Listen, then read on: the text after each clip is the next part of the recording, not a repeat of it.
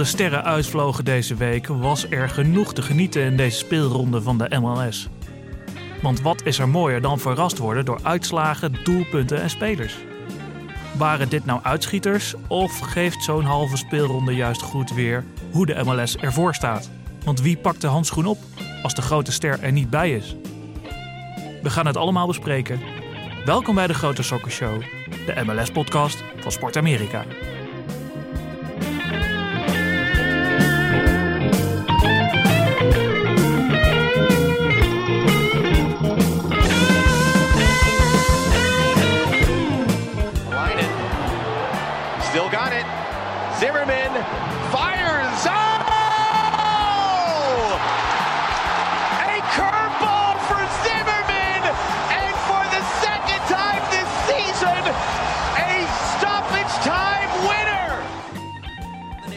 Side, Moutinho service. This ball gets through, and a shot. They score.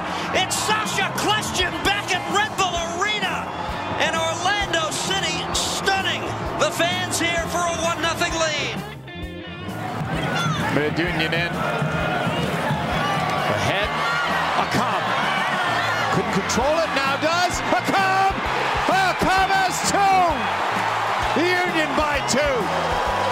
Uh, describe your night for us. It was terrific with the two goals. Uh, I think yeah, it's, it's amazing, but today is like really emotional night for me because uh, I lost my dad last week, so today was all about my dad, trying to play for my dad, and I know he's he's up there uh, looking down on me, so it's really emotional day.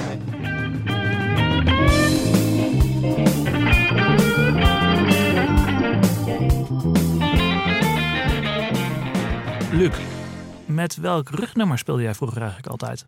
Ja, ik speelde altijd in zulke lage teams dat we niet altijd rugnummers hadden. Dus Oh. eh, Welk rugnummer bedacht je jezelf altijd? ja, eh? ja, het verschilde een beetje. Ik eh, stond vaak linksback, dus dan werd het toch al gauw nummer 5 of 3. Maar als ik er gekke bij had, gewoon eh, nummer 14 eh, pakken hoor. Had je hem ook in je e-mail staan? ja, nou ja, misschien wel. Ja, en was dat een hommage naar eh, de man die gisteren eh, drie jaar geleden overleed? Tuurlijk, tuurlijk ja. Gewoon een eh, droom om ooit net zo goed te worden, maar eh, Helaas. dat is niet gelukt. Ja, jammer.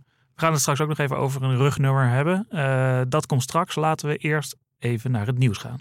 Ja, want New York City FC was natuurlijk al lange tijd op zoek naar een nieuwe centrumspits. Toen eh, David Villa vertrok. Naar, eh, naar Japan is die vertrokken. En nu hebben ze een nieuwe. Heber, een Braziliaan. Gehaald uit Kroatië. Ja, Van Rijeka. je vindt ze overal. De vraag is alleen, is het wel een echte spits?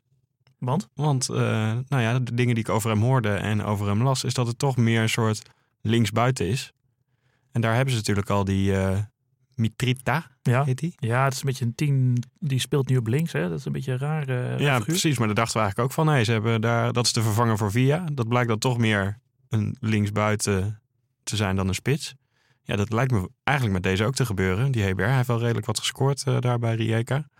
Maar ik moet nog zien of hij dan straks echt in de spits gaat spelen. Of wat meer rond gaat zwerven dan, eh, eh, dan dat hij echt een vaste spits is. Maar dat kan natuurlijk ook de tactiek van Torgan zijn. Dat is volgens mij een beetje de tactiek. Hè? Want zij spelen natuurlijk veel met lopende mensen. En hij zal denk ik best wel goed in dat systeem dan passen.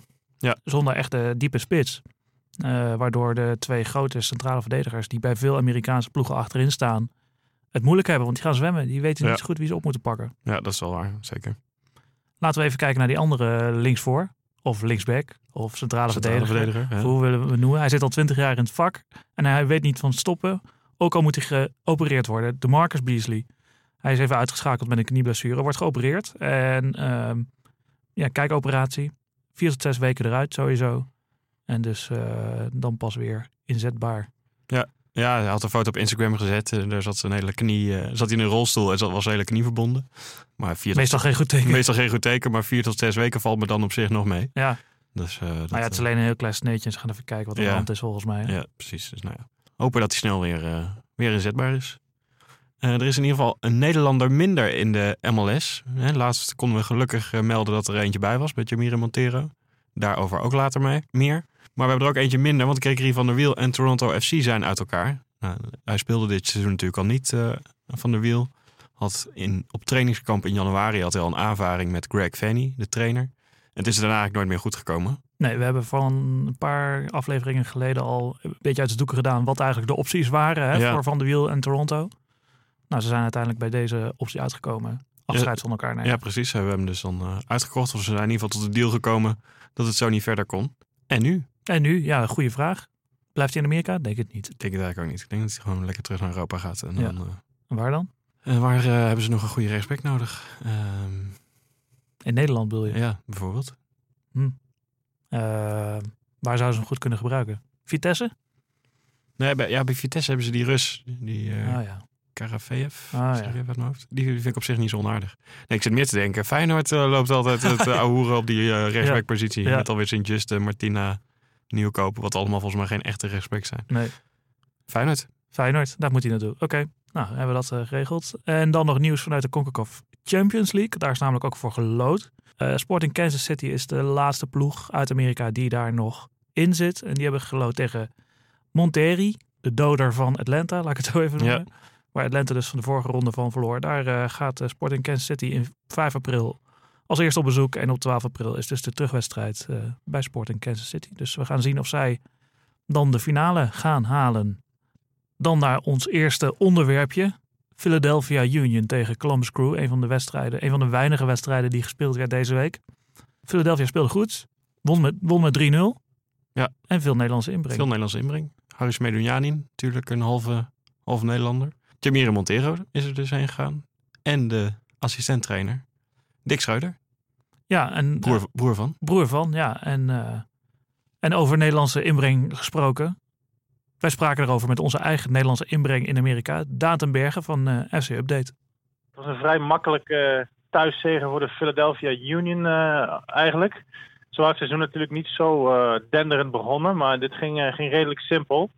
Eh had natuurlijk te maken met eh, de interlandbreak. Eh beide ploegen misten de nodige spelers. Bij Columbus waren er maar liefst vijf spelers die normaal zouden spelen niet bij. En ehm, Philadelphia Union miste er zelf ook drie, als ik het goed zeg. Ehm, dus ja, ze hadden eigenlijk weinig problemen. Kwamen redelijk soepel op een, op een 2-0 voorsprong. Een assist van, uh, van Medunjanin, onze landgenoot. Uh, in de tweede helft werd het nog 3-0. En ehm, ja, geen spectaculaire wedstrijd, maar uh, makkelijke punten voor de thuisploeg. Ja, laten we het even hebben over die Nederlandse inbreng uh, bij Philadelphia. Dat is uh, relatief groot eigenlijk. Hè? Dus Medunjanin en ook de broer van Alfred Schreuder, Dick Schreuder, is daar coach. En ook een nieuwe ja. Nederlandse man, Montero, is daar naartoe gegaan. Laten we ze even alle drie even langslopen. Uh, ja. belangrijk deze wedstrijd. Hij is toch eigenlijk wel de grote man daar? Ja, die speelt eigenlijk uh, alles. Ik sprak hem na de wedstrijd even zaterdag. En toen, toen vroeg ik hem ook of de trainer hem altijd als eerste op het wedstrijdformulier zette. En daar lachte hij een beetje om. dus of het zo is, weet ik niet. Maar ja, hij speelt eigenlijk alles. Um, het seizoen begon een beetje lastig voor hem. Die, die nieuwe aankoop van, van de Union, die Marco Fabian, die ja, die heeft een beetje zijn aanvallende rol op het middenveld overgenomen, heb ik het idee. Waardoor Harris wat meer het vuile werk op moet knappen. Maar, dus dat ging niet zo goed.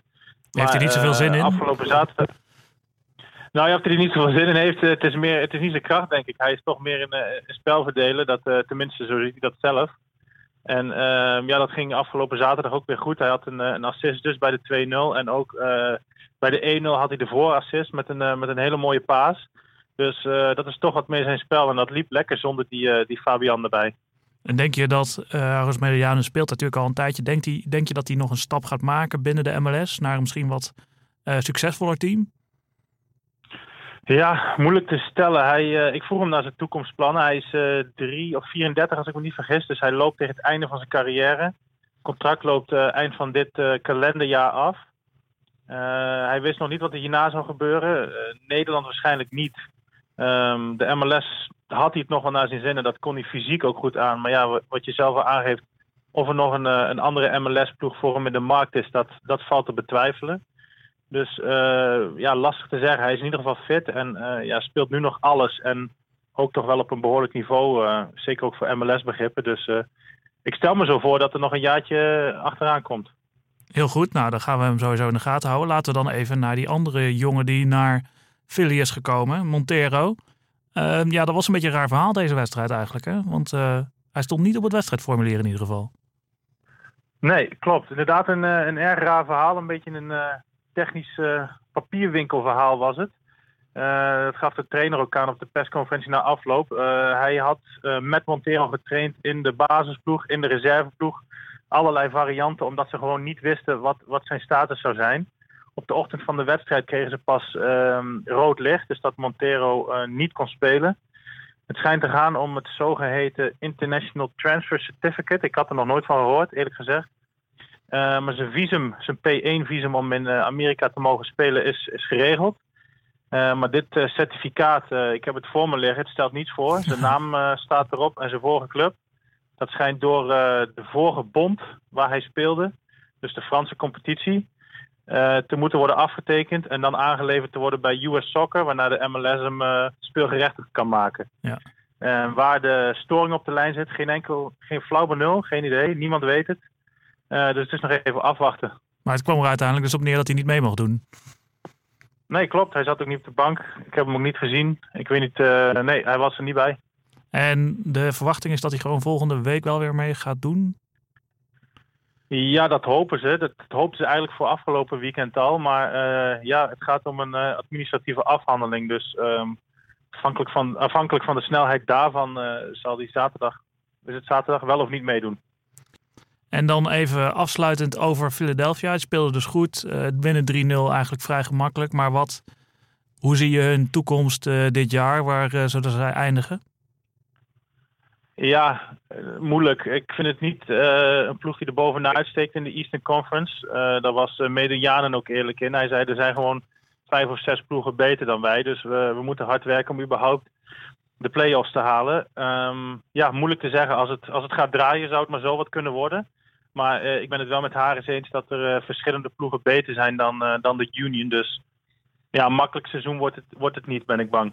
Nee, maar je gaat neem ik aan nog wel een paar keer kijken in dat prachtige stadion daar, aan die brug. Ja, absoluut. Mooi uitzicht. Met de zonsondergang zie je precies eh, in de, rivier, de zon in de rivier zakken, zeg maar. Het is echt een mooi stadion. Eh, er komen ook wel aardig wat mensen op af. Ik weet niet hoeveel erin kunnen. Een dikke 20.000 als ik me niet vergis. Eh, ja, dat is prima daar. Altijd leuk om, om naartoe te gaan. Dat was Daan ten Berge, die bij die wedstrijd was in Philadelphia. Ja, we hebben het nu natuurlijk vooral gehad over eh, Philadelphia Union met een Nederlandse inbreng. Maar er stond natuurlijk nog een ploeg op het veld, Columbus Crew. En die moesten wat mensen missen. Bijvoorbeeld eh, hun spits, Jesse Zardes. Ja, die Maakt- speelde voor het Amerikaanse elftal Ja, inderdaad. en scoorde daar. Ja. Maakte daar de 1-0. En dat zag je op zich ook wel in, die, in dat hele team, hè, dat, ze, dat ze wat mensen misten. Ook eh Zack Steffen was er bijvoorbeeld niet bij. Daar hebben ze dus die Joe Bendik dan voor gehaald van Orlando. Ja, die echt helemaal niks van Ja, ik kan. wou zeggen, vind ik niet een hele sterke keeper. Dus ik kon er nu vast aan wennen dat als die Steffen, want die gaat in de zomer naar Manchester City. eh, nou ja, wat ze, wat ze dan moeten doen. Ja. Dus eh, ja, en voorin was het eigenlijk ook heel weinig. Die Higuain loopt daar wel.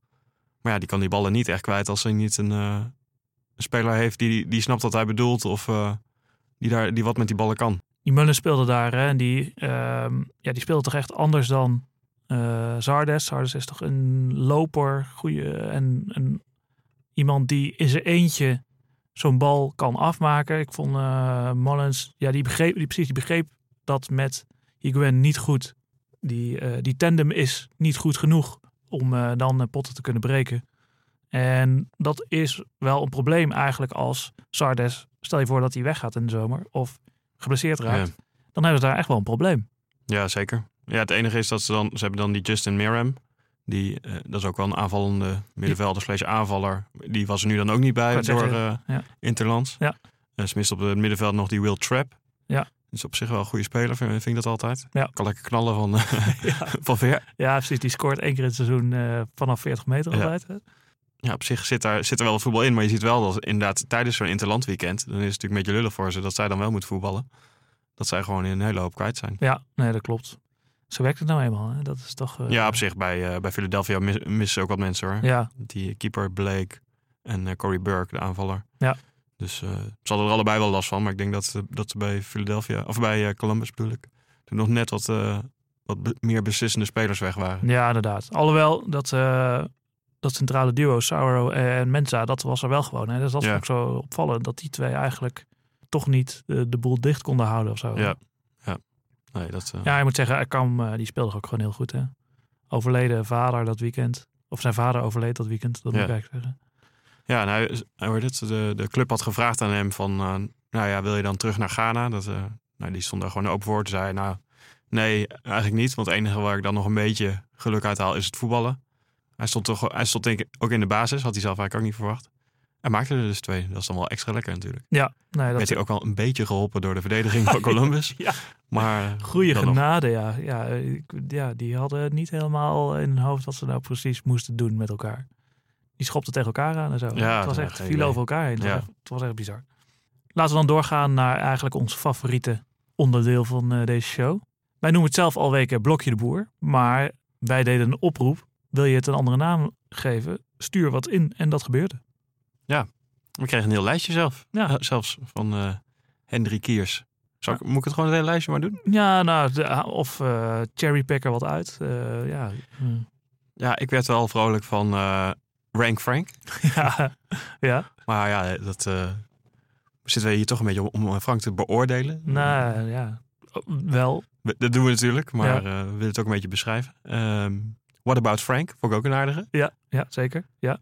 Ed Frankcher. maar eigenlijk de, de, die de, de bovenuit stak. Ja, die, die, die we gaan gebruiken, denk ik Ja. maar. Hè? Frank Lenta. Frank Lenta, dat we daar zelf nooit aan, bedacht, Ja, eh, aan is gedacht hebben. Ongelooflijk eigenlijk. Henry Kiers, dankjewel voor Frank Lenta. Als je nog ergens een, eh, een jingletje hebt liggen, dan eh, horen we die ook graag. Of zing hem zelf in, maakt het ons niet uit. Maar vanaf nu eh, is Blokje de Boer dus eh, Frank Lenta geworden. Eh, over eh, Frank Lenta gesproken. eh, deze week speelden ze dus niet. Er gebeurde weinig in Frank Lenta dit weekend. Inderdaad, maar de halve Nederlandse pers stond wel bij hem op de stoep. En schreven dus wat stukjes over hem. We hebben dat even, ge- even gekeken. Wat was, jij hebt het stuk van Koen van der Velde gelezen in het AD. Ja. Wat, wat viel jou het meest op? Nou, dat hij, dat hij zegt dat er over, het, met het verschil met het niveau in Nederland en in Amerika, dat is, dat is ook wel een vraag die wij vaak krijgen: van hoe moet je die, die competitie dan eigenlijk inschatten? Hij zegt ja, over het algemeen zijn die teams in Amerika zijn eigenlijk sterker dan, eh, dan in Nederland. Afgezien van de, van de top natuurlijk. Kijk, met, met PSV en Ajax zullen ze waarschijnlijk niet kunnen concurreren. Ja. Maar echt qua, ook qua fysiek eh, zijn die teams waarschijnlijk gewoon sterker. Dus hij, hij- daarom is het voor hem natuurlijk ook niet per se een hele grote degradatie, zeg maar, wat natuurlijk wel door veel mensen gezien werd. Eh, het verschil natuurlijk ook is, eh, dat, dat geeft de boer ook aan, in Europa en in Zuid-Amerika zit het voetbal natuurlijk veel meer gewoon in het, in het bloed bijna. Eh, hè, je voetbalt op pleintjes of op het grasveldje in de buurt. En dat is in Amerika wat minder, waardoor het gewoon allemaal echt aangeleerd is, alles wat je doet. En wat minder intuïtief. Ja. En dat merkt hij dus ook in, die, in de wedstrijden. Van, nou, hij kan ze heel veel boodschappen meegeven. Dat gaat dan allemaal goed. Maar op het moment dat het dan allemaal anders is, dan raken ze het een beetje kwijt. Ja, dan kunnen zij niet op intuïtie dingen veranderen of dingen anders doen. Ja. Ja, dat, eh, het gesprek met Simon Zwartkruis en Voetbal International komt daar- daar ook, eh, komt dat ook aan, aan, aan, aan het woord. Eh, dat gaat ook vooral over de sportmentaliteit natuurlijk van de Amerikanen, hè, die fantastisch is. Ze gaan, ze, ze stoempen, zoals hij het zelf het mooie woord het gebruikt, en, en zeuren niet. En dat vindt hij hartstikke mooi. En dat valt hem heel erg op. Maar wat hij ook geleerd heeft van zijn tijd bij bijvoorbeeld Crystal Palace, dat vond ik ook wel een opvallend punt, is dat hij eh, minder vrije trappen neemt zelf op de training om te laten zien hoe goed hij kan voetballen. Oh, maar we hebben de laatste reetje gezien Ja. bij Atlanta. Ja, maar bij Crystal Palace deed hij er twee en nu deed hij er maar één. Ah, oké. Bijvoorbeeld. Nee, eh, dat was, was kritiek vanuit Engeland op hem van eh, ja, de trainer laat zien dat hij nog steeds de beste is of zo. Dat vonden ze heel irritant. En dat doet hij dus nu, nu niet meer, of, of minder in ieder geval, zegt hij. Terwijl die de grap is, terwijl de Amerikaanse pers in ieder geval dat zo aan hem bewonderde, dat hij zo dat hij nog kon laten zien hoe goed hij eigenlijk was. Ja. Dus dat was eigenlijk heel, heel grappig om te zien. En, eh, en het ging een beetje natuurlijk hoe hij nou in Atlanta terecht is gekomen. En dat vond ik ook wel opvallend. Hij raakte in gesprek met Darren Eels. Dat is een van de grote bazen bij Atlanta nu. Maar die was vroeger een van de directieleden bij Tottenham Hotspur. In de tijd dat hij misschien naar Tottenham Hotspur zou gaan. Ja, ja. Toen hebben ze gekozen voor Poch- Pochettino. Maar wel al gesprekken gevoerd met eh, Frank Boer, wou ik met Frank Lenta. En nou, dat, dat is die Eels niet vergeten. En die heeft hem dus een aantal jaar later dus naar Atlanta gehaald. Dat vond ik wel, wel grappig om te lezen. Ja, en ook, ook wel zeker met het idee, eh, het, het grotere idee, zeg maar. Dus niet, ja, natuurlijk wel ook eh, direct presteren. eh, maar ook heel erg op die jeugd gaan zitten. Ja. En eh, ja, jeugd ontwikkelen en dat doorverkopen. Ja, daar willen ze echt naartoe inderdaad. Dat, eh, dat vindt de boer echt eh, mooi om te zien. Want dat is, dat is on-Amerikaans eh, eigenlijk. Hè. Ja. En dat is ook een beetje die Ajax-gedachte natuurlijk. Ja, Gewoon dat- je eigen jeugd de kans geven en eh, ontwikkelen en dat, dat doorverkopen. Nou, dat, eh, en nou, hij prijst die, bijvoorbeeld die designated players van hem, eh, prijst hij wel. Die vindt hij gewoon allemaal Premier League niveau. Dus hij heeft daar wel heel veel vertrouwen in. Hij ziet daar wel de kwaliteit in. Dus, dat, dus hij, ja, hij ziet wel dat ze kwaliteit hebben die hem verder moeten kunnen gaan helpen. En die ploeg verder moeten kunnen, kunnen gaan helpen. Dus dat is wel opvallend. Maar ja, we gaan het zien, want ze moeten naar Columbus toe aankomende week. Een uitwedstrijd naar Ohio. Ja, het is toch... Het zijn andere lastige wedstrijden daar bij, bij de crew. Ja, dan heeft hij nog geluk dat het dus niet eh, super ver weg is. Daar, daar klaagt hij natuurlijk ook over. Ja. Ook in deze interviews trouwens weer. Ja, Eh, nou ja, dat hij zoveel moet reizen. En dan valt, valt Columbus valt natuurlijk nog wel mee. ja. Kun je gewoon met de bus doen. Ja, ja. Nou, ja. Oh, dat is nou, misschien wel night. Ja. Nee, dus eh, we gaan het zien. maar dat werd dus opgeschreven in de Nederlandse pers. Die gesprekken met hem. Laten we dan even de rest van de Nederlanders bespreken. Nou ja, het, er is een bijgekomen. Er is er een weggegaan. Ja. Wat, die- wat, houden we over? Ik wou zeggen, die ene die erbij is gekomen, die eh, deed nog niet mee. Nee. Mocht nog niet meedoen. Nee. Eh, Leerdam bij Seattle, die was vrij. In ieder geval, Seattle speelde geen wedstrijd in de MLS. Ja. En eh, Danny Hoese speelde ook geen wedstrijd in de MLS. San Jose was ook vrij. Die speelde wel een oefenduel Ja, tegen, dat opvallend inderdaad. tegen Monterrey. Dus de, de, de slachter van Atlanta United in de CONCACAF Champions League. En de volgende tegenstander van Sporting KC. Ja. Maar zelfs daar mocht Hoese niet meedoen in die vriendschappelijke wedstrijd. Nee. Dan zetten ze gewoon die oude bok van een Wondolowski eh Ja, of een jongen van 15 dus. ze erin. Ja, die inderdaad. Wondolowski werd dus eh, vervangen door de 15-jarige Kate Cowell. En hij scoorde gelijk. Die jongen speelde, scoorde gelijk inderdaad. Ja, op zijn vijftiende voor het eerst. hoe zou Dus, Hoeste daar gekeken Ja, hebben? eh, dat is, lijkt me toch ook niet heel lekker, nee. Ja, nee. Dat is natuurlijk ook gewoon een prachtig verhaal dan. Dat zo'n 15-jarige jongen de oude Wondolowski vervangt. Ja. Gelijk het doelpunt maakt. Daar, smullen ze natuurlijk van in Amerika. gewoon, eh, Gaat de, helft van zijn leeftijd van Ja. Wondolowski inderdaad. ja, wel meer denk ik. Ja. Of eh, nog minder. ja. Ehm, dus ja, dat is voor Hoes is dat eh, geen goede zaak. Nee, inderdaad. En eh, dan hebben we natuurlijk nog Kappelhof. Maar ja, die speelde ook niet. Was ook vrij. Die waren Ja. ook vrij. Dus eh, klein rondje, rondje Nederlanders eh, deze keer. Wat, eh, wat viel ons dan verder op? Ja, ik zei vorige week al dat ik die Paxton Pomikal van FC Dallas in de gaten eh, ga houden. Ja. Eh, want dat vind ik gewoon een hele goede speler. En die speelde Midden- deze week. middenvelder. En hij, hij speelde wel met eh, FC Dallas. Ik vond hem niet super goed spelen. Ik had wel aan de bal vind ik hem wel echt heel erg goed. Maar dat middenveld werd op een gegeven moment zo lang bij, bij FC Dallas. Dat hij ontzettend veel meters moest maken. En daar had hij nog wel moeite mee. Ja. Kan natuurlijk ook gewoon komen door zijn leeftijd. Dat hij gewoon nog wat, wat meer inhoud moet krijgen.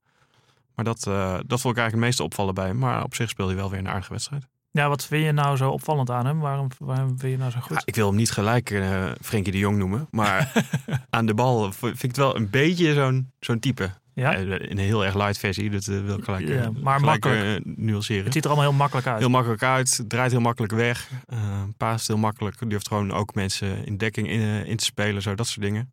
Dus dat, dat is wel mooi. En hij kan eigenlijk ook nog wel op heel veel posities zou die kunnen spelen. Maar ze hebben nu echt gekozen om hem... eh, eh, op het middenveld gewoon centraal te zetten. Want waar zou hij nog meer kunnen Ja. spelen dan? Ja, er wordt ook gezegd dat hij in de jeugd bijvoorbeeld ook wel eh, als buitenspeler speelde. Eh, dat hij daar gewoon mannetjes voorbij ging en, en de voorzet gaf. Ja. Maar nu kies ik toch echt voor om hem mid-mid te zetten, zeg maar. En het is een jongen met een beetje historisch besef. Hè? Dat is mooi om te zien. Ja, de- ja dat, hij speelt namelijk met nummer 19 bij FC Dallas. En dat nummer was eigenlijk een soort van bevroren. Dat werd niet meer gedragen. En dat kwam omdat het eh, het nummer was van de clublegende Bobby Ryan. Die speelde van 99 tot 2008 voor, voor de club. Meer dan 200 duels in MLS. Ja. En eh, daarna stopte hij met voetballen en gi- ging ook werken voor de club als manager of community development. Dus nou, hij bleef gewoon aan de, aan de club verbonden. Ging de wijk in. Ging de wijk in, ja. ja kon zo met, eh hoe heet die, Jopie, Ja. Joop Munsterman. kon hij de wijk in. Ehm, en ondertussen eh, ging dat nummer ging nog wel over naar Zack Lloyd, de andere speler van, eh, van Dallas. Die ging met nummer 19 spelen. Maar in 2011 overleed dus Bobby Ryan, terwijl hij op vakantie was, eh, aan, een, aan een hartaanval. Heel plotseling allemaal. Ja. Toen heeft Lloyd ook gelijk afstand gedaan van dat nummer. Die zei, nou, dan wil ik er ook niet meer mee spelen. Die is toen met 17 gaan spelen. Een soort vloek. Ja, een soort vloek. En zo speelde er nooit meer iemand met nummer 19. Tot, ik geloof, twee jaar geleden. Toen kon namelijk eh, Paxton Pomikal zijn eerste profcontract tekenen. En mocht hij dus ook een rugnummer uitkiezen. En er werd hem aangeboden van, nou ja, neem maar iets boven de 20. Hè. Er waren nog wel wat nummers vrij. Ja. Maar hij zei, Nee, ik wil eigenlijk wel dat nummer 19. Is dat, eh, is dat nog beschikbaar? En dus eh, president Dan Hunt van de FC Dallas, die wilde daar eigenlijk niet over nadenken. Maar ja, omdat die jongen dat toch zo expliciet gevraagd had, is hij naar de vrouw van Bobby Ryan gegaan. Gevraagd van, nou, we hebben nu een jongen, nou, een hele talentvolle jongen vanuit Dallas. Die, eh, die doorstroomt naar het eerste elftal en wil graag nummer 19 dragen. Wat, wat vind jij daarvan? Ja, juist ook met de gedachte, eh, dit is gedragen door een, door een legend Ja, eigenlijk. hè? ja precies. Hij was natuurlijk wat toen, eh, toen Bobby Ryan zijn debuut maakte bij Dallas. Toen werd eh eh, Paxton uh, Pomikal werd zo'n beetje geboren. Ja. Dus die heeft hem gewoon helemaal meegemaakt zeg maar, als speler. Of helemaal, eh, nou ja, dat is natuurlijk wel leuk om te zien dat je jeugdheld daar speelde. En dat je Ja. graag met dat nummer dan wil spelen. Ja. En dat idee had die vrouw van Bobby Ryan ook. Van nou ja, eigenlijk is het, wel, is het dan wel mooi als dan toch iemand het nummer moet dragen. Dat ze dat dan doen. eh, Een jongen uit Dallas. ja, vanuit Dallas die dat, die dat dan gaat dragen. Ja. Is de president ook nog even naar die Zack Lloyd gegaan. Want dat was toch de laatste die dat nummer gedragen had. ja, ja. En die, eh, die vond het ook een goed idee. Dus dat is, eh, dat is het verhaal van de nummer 19. Ja. En nu ook bij ieder shirt wat er verkocht wordt met nummer 19... gaat er ook 5 dollar naar de FC Dallas Foundation. Ja. Een, een stichting die zich inzet voor eh, jeugd die, die dan eh, gaat sporten en, en gezonder gaat leven. In de wijken. En de, en de wijk in, ja. ja. ja, maar het is toch wel echt een mooi verhaal van die, eh die eh Cole. Dat dat, eh, ja... Dat een jongen die is, die niet... Die dus en goed kan voetballen en dan ook nog een soort historisch besef heeft van... Hey, als ik met dit nummer kan gaan spelen, en dan... Ja, ja, ik had een beetje tweeledig gevoel. Van de ene kant vond ik het wel vet. Van de andere kant dacht ik ook... Ja, dan vind je jezelf al, al heel, heel snel zelf ook heel groot. Ja, Als er nee, nu bij Ajax een jongen aankomt die zegt... Doe mij dat nummer 14 maar. Ja, precies. Ja, nou ja, die zijn er je genoeg waarschijnlijk. Ja, nou, Maar inderdaad, dat klopt. Maar toch, ik weet niet, ook omdat die man natuurlijk plotseling is overleden en zo. Ja, ik, ik weet niet, ik vind het toch een soort hommage aan die man. ja zeker. zeker. dat, dat, dat dringt bij mij meer op dat verhaal dan, eh, dan jezelf groter voelen dan... ja, dat dan is de wel club of zo. Dat is wel waar. Hij zei zelf, die Pomikal zei zelf ook al van... Ik denk dat ik door juist wel met dat nummer te spelen... dat we veel, eh, die herinneringen aan eh, Bobby Ryan veel groter houden... dan als we het maar wegstoppen. Ja. En dat er nooit meer iemand mee speelt... dan wordt er misschien ook wat minder aan hem gedacht. En Ja. nu, eh, nou, nu blijft ook die herinnering gewoon levend. Nou, mooi. En hij speelde dus wel aardig en won in ieder geval. Dat is misschien nog wel het belangrijkste. Ja. 2-1 van de Colorado Rapids. Het opvallendste vond ik eigenlijk het doelpunt van Colorado. Ja. Dat werd gemaakt namelijk met de cojones. Ja, ja nou, ik weet, eh, ik weet niet waar die bal overal tegenaan kwam. maar eh, in ieder geval ook ergens daar in eh, het gebied van het kruis. Ja. En de vraag was een beetje of die bal over de lijn was of niet. Nou ja, daar moest de VAR naar kijken. Daar Die moest, heeft daar lang over gedaan. Ja. ging lang kijken. Toen moest de scheidsrechter zelf nog naar kijken. Uiteindelijk toch, toch gewoon toegekend. Ja. Nou ja. Ik durf me na die bal van Masraoui eh, in Madrid... durf ik niet meer te zeggen of een bal eroverheen is of niet. Niet, op, als je niet op als je videobeelden in ieder geval. Nee, inderdaad. En dat had ik nu eigenlijk ook bij deze bal. Van, ja. Ja. het ziet er wel naar uit dat hij eroverheen is. Maar 100% zekerheid eh, weet, ik het, weet ik het niet. Het maakt uiteindelijk voor de eh, eindstand maakt het wel uit, maar niet voor de puntenverdeling. Ja. Want het werd uiteindelijk 2-1 voor Dallas. Wat ons nog meer opviel, was nog een 2-1, maar dan in LA. LAFC speelde thuis tegen Real Salt Lake. Nou, dat zou appeltje eitje worden voor LA. Maar eh, het werd weer laatste minutenwerk. En was het ene Zimmerman die hem vanaf 30 meter erin schoot. Peert hem even lekker in de kruising. Ja. eh. Ja, er zat een hele rare soort curve aan. Ik weet niet of je dat... Ja. Ik, ik heb nog drie keer zitten kijken van, wordt die bal nou aangeraakt of niet? Maar dat zag ik toch ook niet gebeuren. Maar het was een soort Ronaldo-vrijtrap. Zo'n bal die dan heel snel in één keer weer, weer daalt. weer, weer daalt. Een, heel raar, een hele rare curve zat eraan. En wa- waardoor ook eh, Roman, Romano, de niet al te sierlijke keeper van, eh, van Real Salt Lake, dat moet je er wel even bij zeggen, Ja. toch eigenlijk aan de grond genageld stond. En de bal eh, wel heel mooi in de goal invloog. Ja, zeker. En dus pakken ze bij in LA weer drie punten. Want het was wel weer, wel, wel weer billenknijpen daar. Want het was vorige keer Ja. natuurlijk ook al met Diomandé die hem de laatste minuut erin schoot. Een paar weken geleden. Of in die eerste wedstrijd. En nu dus weer. Maar wel weer drie punten. Nou ja, dus daar zullen ze blij zijn. Ja, LAFC blijft zo eh, ongeslagen. Ja. Ja, als gelijk hadden gespeeld natuurlijk ook. Maar bedoel, staan nu, eh, nu op tien punten uit, eh, uit vier wedstrijden. Ja. Netjes. is niet slecht. Dan nog eh Kjelston tegen zijn oude clubje Red Bull van, met Orlando. Nou ja, en die, die zorgt ervoor dat zijn oude ploegje ten onder gaat. Ja. Wonnen ook, hè? Ja, Met, Orlando won, won dus met 1-0. Eh, ook best verrassend eigenlijk, hè? want eh, Orlando wordt dan niet gezien als een van de kampioenskandidaten. Nee, zeker niet. En bij, eh, bij de Red Bulls missen ze die Vellet. Die heeft een, eh, zware knieblessure opgelopen. Ja. Daarom, volgens mij liepen ze van tevoren ook allemaal met zijn rugnummer de warming-up bij, bij de Red Bulls. Ehm, maar daar, volgens mij komt daarvoor, hebben ze die Mule die er dan in komt. Dat, Ja. dat is een beetje de nummer 12 van, Ja, van de Red Bulls. Die komt al heel snel erin als een van die aanvallende spelers eh, geblesseerd is. ja Of, ik, eh, ik ben niet heel kapot van die mule, maar eh, oké. ja. Nou, hij scoorde laatst toch twee keer. Dus, ja, ja, oké, oké, ja. dus maar inderdaad, Kielsten eh, neemt even revanche op zijn ploeg. Inderdaad, ja, vorig jaar daar al naartoe gegaan, hè, naar Orlando. En Mocht toen de eerste wedstrijden niet spelen, omdat hij Eltidoor geloof ik bij de Cojones had gepakt. Ja, inderdaad. die hadden een klein opstootje gehad eh, in de wedstrijd daar weer voor. Ja, in de play-offs, De play-offs daar weer voor. Eh, en nu deed hij dus wel weer mee. En, eh, en zorgde dus voor, de, voor het enige doelpunt. Ja. En dan eigenlijk nog grotere verrassing. Een van de grootste verrassingen eigenlijk wel van, het, eh, van deze week. Voor mij in ieder geval. Ja. FC Cincinnati. ja, hoe lang gaan we nog zeggen dat dat een verrassing is? Ja, dit blijft voor mij wel een verrassing. Maar Ja. inderdaad, na deze wedstrijd kunnen we denk ik dat niet meer zeggen. Want ze, ze winnen met 2-0 van de, de New York eh, Revolution. Ja. En eh, ja, gewoon heel knap eigenlijk. Ja, zeker. Ik had hem, eh, want het werd gisteren gespeeld tegelijkertijd met Nederland-Duitsland. Dus ik moest hem even Dus je had er twee op, schermpjes eh, openstaan. op een second screen eh, kijken. Maar, eh nee, ik, maar ik vond Cincinnati ook echt gewoon be- veel beter voetballen dan Ja, ja, New. England. Ja. Dat is... eh, Ja, maar dat, dat vind ik sowieso wel opvallend. Eh, dat in die andere wedstrijden ook wel, viel dat ook wel op. Dat ze eigenlijk wel vrij goed blijven voetballen eigenlijk. Dat, daar zat het niet echt, eh, daar zat het niet verkeerd. Nee. Het was meer een beetje ervaring, bijvoorbeeld tegen Seattle en zo, die gewoon wat effectiever waren. En, eh, en tegen Atlanta zag je natuurlijk ook al dat er, eh, ja, dat ze niet onder, veel onderdeden voor eh, Atlanta. Oké, Atlanta zit niet in de beste periode, maar dan nog.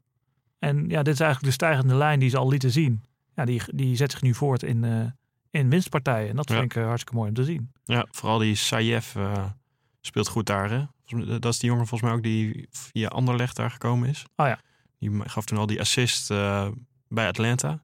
Een Ja. goede bal, die goede Ja. steekpaas. Ja. ja, die vond ik ook weer heel goed spelen tegen, tegen New England. Dus eh, ja, ik ben eh, eigenlijk wel benieuwd. Ik had de hele tijd bedacht van nou, dat Cincinnati gaat helemaal niks worden. Ehm, ook vooral, nou ja, de spelers, veel spelers natuurlijk onbekend zijn omdat die uit de USL komen. Maar de spelers die ze gehaald hadden, was ik nou ook niet zo heel erg kapot van. Nee. Maar nou ja, nu na een paar wedstrijden denk ik, nou, hoeven niet helemaal, ze zijn niet helemaal kansloos voor de play-offs eh, Nee. uiteindelijk. nee, voor de play-offs zelfs. Oh ja, nee, ja, dat... eh, nee, maar ik bedoel, ze kunnen prima op zo'n laatste speeldag nog even zesde, die zesde plaats aanpakken. ja, ja, ja, ze moeten, moeten zesde Eh, nou nee, achtste, zevende. Zevende nu. Zevende Ja, vorig jaar nog zesde. Maar, Ja. Ja, en ze speelden een soort rare 4-2-2-2. hè? Dat is Ja. vond ik ook zo mooi. Ja. Dus ze speelden een beetje... en ze liepen daar een beetje door elkaar. Waardoor er een totale chaos ontstond bij, eh, bij eh, New England. Eh, en New England laat gewoon zien dat ze niet zo goed zijn als vorig, vorig, jaar, eh, vorig jaar. Want het valt met een beetje tegen toch wel. Ja. En dat is jammer. Dat is jammer. Maar heel knap nog steeds van, van Cincinnati. En uit trouwens. Hè. Dus niet met een eigen, eigen supporters achter zich. Maar in een uitwedstrijd ook heel knap. ja, zeker. Laten we dan nog even kijken naar de wedstrijden van volgende week. Een weer wat groter programma. Volledig programma. Ja. Ja, ga je gang. Oh, ja. Vrijdag, ja, want het begint al eh, van vrijdag op zaterdag, die nacht om 1 uur. Met Toronto tegen New York City FC. Lekker potje. Ja, kijk of die dus die Hebert dan al eh, meedoet. Ja. En of die in de spits staat. Ja, is dan ja, natuurlijk ja, ook weer- ja, ja. De vraag. Eh, op zaterdag een soort van derby met San Jose Earthquakes tegen LAFC. Vroeger, het is eigenlijk de, de echte De derby. echte zeggen. derby is eigenlijk eh, Earthquakes tegen Galaxy. Ja. Maar ja, tegenwoordig eh, is LFC, LAFC er natuurlijk ook bijgekomen. Ja. Maar ik denk dat daar de, de, de hoe zeg je dat, sentimenten wat minder zijn dan eh, dat tegen Galaxy. Dat lijkt mij ook wel, ja. Dat zit toch meer eh, historisch gezien. Ja. dat, dan gaat dat wel wat harder aan toe. Ja, die dus op, op zaterdagavond. In die nacht van zaterdag op zondag om, om half één Columbus Crew tegen Atlanta United. Ja. Dat is tegen Frank de Boer. Ja. Nou ja, als Columbus weer zo speelt als afgelopen weekend, dan heeft Frank eindelijk een kansje om, eh, om te winnen. Ja, maar de- Columbus blijft een hele gevaarlijke Ja, ploeg. zeker. Ook Ja. zeker voor Atlanta. Die Ja, ja, ja. Dan tegen een muur oplopen en dan toch een doelpuntje tegenkrijgen. Ja, Ja, dan, als zij gewoon weer eh, Zardes en eh, Trap en, we- en weet ik veel wie allemaal terug hebben, Ja. dan kan het ook zeker weer gevaarlijk zijn. Ja. Ja, ja, ja. Dan verder Orlando met Nani tegen DC United met Rooney. Tegen zijn oude, Ja, oude ploeggenootje. ja. Dus dat is ook wel geinig. Dat is ook... eh, eh, oh nee, dat is zondag op maandag. En ook zondag op maandag om drie uur LA Galaxy tegen Portland. En dat is misschien wel de leukste wedstrijd Ja. qua naam, Qua naam, ja. programma. Ja. Vraag alleen of Zlatan al mee kan doen. Ik zag wel dat het een stuk beter ging met zijn herstel van zijn blessure. Maar ik ben bang dat deze wedstrijd nog iets te vroeg komt voor hem. Nou, ik zie alleen maar eh reclame-tweetjes van hem over het pedelcentrum of over eh, dat hij zit te Fortnite. of Ja, ja, ja Fortnite, dat kan nog wel met een uh, Ja, oké, knie natuurlijk. of allemaal, weet ik veel, heeft hij weer een boek of heeft hij weer een, geur, een geurtje of uh, tering die gast is commercieel. Ja, daarvoor eh, is hij daar waarschijnlijk heen gegaan. hè? Ja, dat klopt. Ik zag wel een foto van This is me at the moment. Dan zag je zo'n zo'n leeuw zo, zo op zijn rug liggen met zijn handen op zijn buik. Nou ja, dat klopt op zich wel, denk ik. Ja. En eh, ja, Portland, eh, die moeten ook maar eens puntjes gaan halen. Hè? Want die hebben nog niet zo heel best gedaan eh, Nee. dit seizoen. Dus die, het is tijd dat er daar wat punten goud gaan worden. We gaan het allemaal zien. Tot zover deze aflevering. De grote sokkershow wordt gemaakt door mij, Thijs van den Berg. En door mij, Luc van den Berg. Wij danken natuurlijk Sport Amerika, de site voor je dagelijkse dosis Amerikaanse sporten. En wil je reageren op deze aflevering? Dat kan natuurlijk. Hè? Je kan ons bereiken via Twitter op @grootsokkershow of eh, je kan ons persoonlijk een berichtje sturen via @thijsvdberg of Luc van den Berg. Klopt hè? Ja. En neem vooral een abonnement op eh, deze podcast. Dat kan via iTunes, maar ook via eh, allemaal andere apps, Stitcher, TuneIn en ook Spotify. Eigenlijk vind je ons overal. We gaan weer kijken gewoon naar de mooie wedstrijden die eraan komen. Heel veel zin in. En we gaan natuurlijk ook kijken naar Frank Lenta. Frank Lente. Tot dan. Tot dan.